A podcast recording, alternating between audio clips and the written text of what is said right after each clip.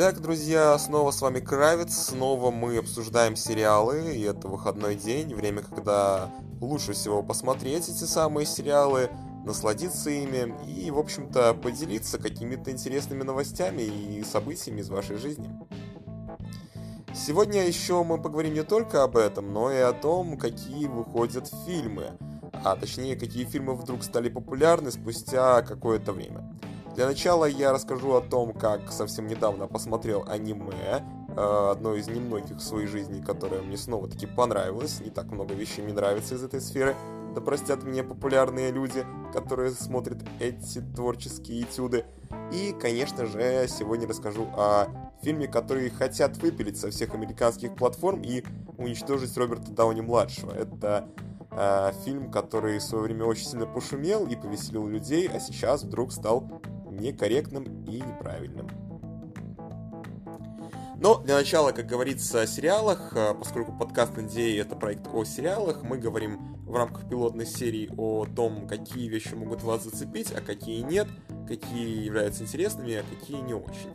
А, собственно, об этих самых а, сериалах мы сегодня и расскажем.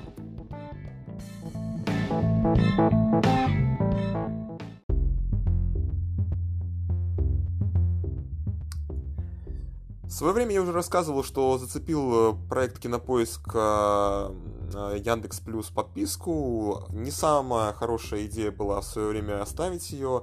Внезапно оказалось, что плюс подписке у меня приплюсовалась еще и музыка бесполезная яндексовская, причем отдельным чеком, но бог с ним. 10 рублей, наверное, с этого дела ушло.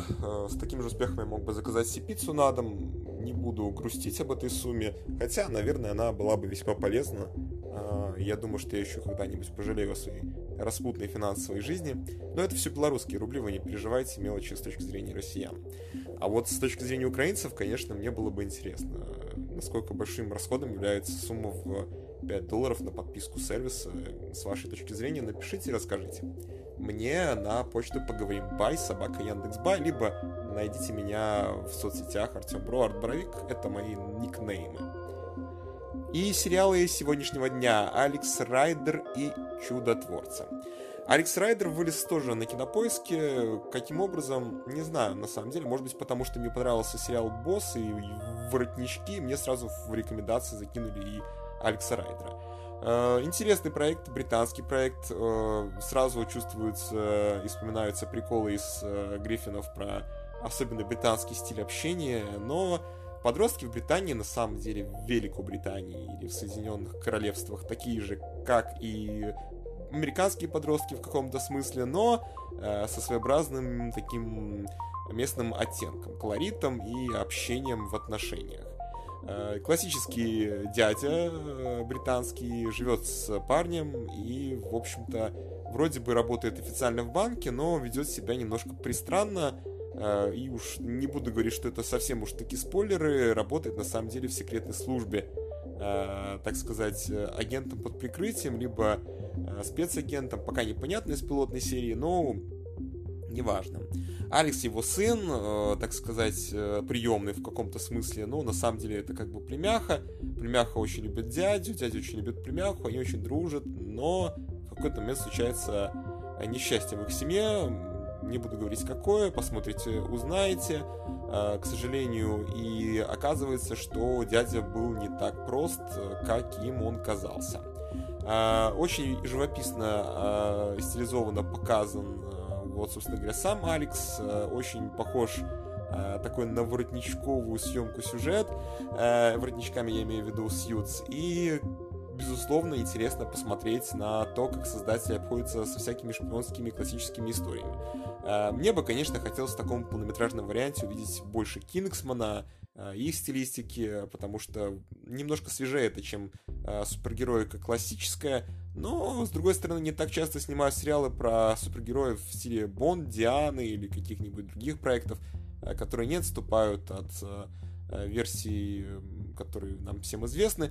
А, самые близкие ассоциации почему-то у меня возникли из детей шпионов. Вот, наверное, такого давно не было подросткового шпионского а, кинца. А, рекомендую всем, кто любит э, британцев, их большие белые зубы и музыкальную, стилистическую и в целом всеобъемлющую выдержанность Туманного Альбиона. Далее поговорим о другом проекте, совершенно отличном и скорее напоминающем что-то очень дешевое, но великолепно э, сыгранное с точки зрения актерского мастерства и с точки зрения идеи, может быть, нетривиальный. Э, этот проект будет вам интересен. Это сериал «Чудотворцы» э, с Дэниелом Редклиффом и Господи Иисусе, и Его Величеством, и прекрасным вообще актером, человеком, ну, что тут сказать, великим, великим, э, э, замечательным актером из э, вами любимого, наверное, сериала и проекта, который называется «Подпольная империя». В общем, вы догадались, о ком идет речь, и немножко подтаскан он в этом сериале.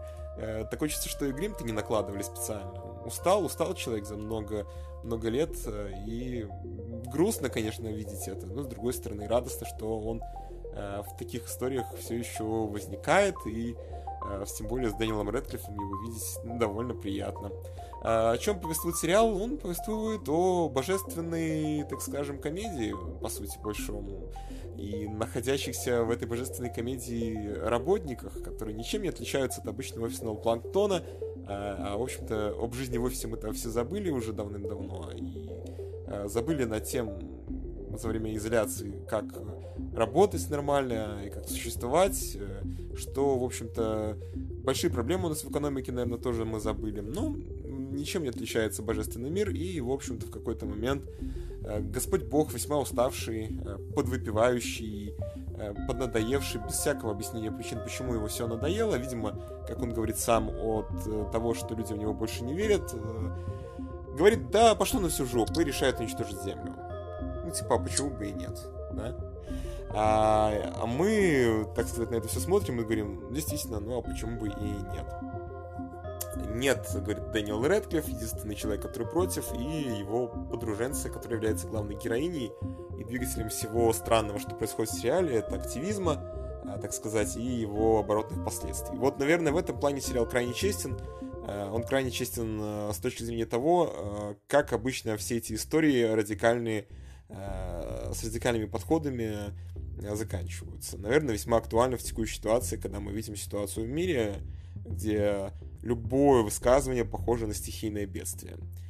А теперь поговорим о том, что мне понравилось из выходящих э, в текущем моменте проектов, э, э, ну и, так скажем, проектов, которые давно ушли. Ну, начнем с 2019 года, не так далече вышло Э, Дитя погоды, и это аниме не такое прекрасное, как предыдущий проект этого режиссера, но мне скажется, что стоит его посмотреть в любом случае за милость, за музыкальное сопровождение за легкие покалывания в какие-то уж особо чувствительные моменты. Хорошее аниме для вас, для вашей семьи, для думающих людей, э, для тех, кто, в общем-то, к аниме даже не расположен, я рекомендую посмотреть, послушать и вообще Э, острое. Желаю вам, чтобы вы его увидели. Ничего особенного, но зачетная штука. Ну и второй проект, о котором мы хотим поговорить, это проект, который я сначала смотрел и ухахатывался, а потом же фоном, так скажем, больше его наблюдал. Это проект, за который сейчас судят и пытаются расстрелять Роберта Дауни-младшего. Вот, вы можете, в принципе, загуглить и узнать его название, потому что мне даже лень его открывать и вспоминать. А, но 2008 года фильм почти что на уровне Оскара по сценарию и действительно великолепно и красиво продан, подан. Мог бы быть категории B, C вообще второстепенным, если бы не убойнейший, остросоциальнейший даже на сегодняшний момент сценарий. Ничего в нем российского или провокационного нет, хотя в любом случае, я думаю, ни корейцам, ни китайцам эту штуку показывать не стоит. Э, есть ли моменты острых углов, которые не обходятся, а вот просто в лоб э, стреляются зрителю, и э, проект этот замечательный, в любом случае я вам его рекомендую, просто по той причине, что, ну, бог ты мой. Не так много проектов уровня Дэдпула выходило или будет выходить в ближайшее время, а посмотреть все-таки, я думаю, их стоит.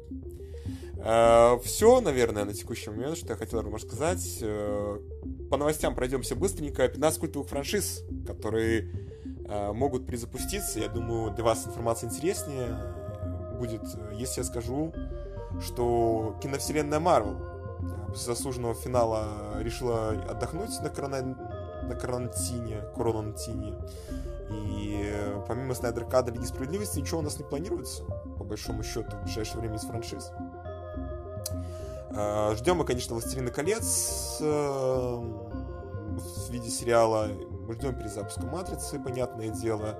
А, Ждем возвращения «Назад в будущее», потому что это один из любимых моих проектов, мне кажется, он может быть перезапущен. И «Голодных игр». Вот. Э, тоже вот такая информация у нас прошла. Э, в общем-то, по большому счету, все на текущий момент. Э, Кингсман предыстория выходит тоже обязательно. А из премьер недели, наверное, можно назвать проект, который недавно посоветовали, но еще я не смотрел. Я ангел. Это Благина Ленина. Ты же демон. Мы по определению враги. Изыди с глаз моих гнусный бес. Если вы не смотрели этот проект э, любимцев Эдгара Райта, то прошу вас и э, умоляю его увидеть. На этом все. С вами был Кравец. Услышимся и увидимся. Ставьте, пожалуйста, в любой сети, где публикуется этот подкаст, свои отметочки, э, положительные или отрицательные. Это ваше право. Э, ну, а мне будет интересно узнать обратную связь по тем э, контактам, которых я рассказывал. Все, вроде бы в 12 минут вложился. Желаю вам удачно провести эту неделю. И э, давайте вместе смотреть хорошее кино, умное кино, тем более его мало осталось. Мне вот все тяжелее находить какие-то вещи, которые прям цепляют.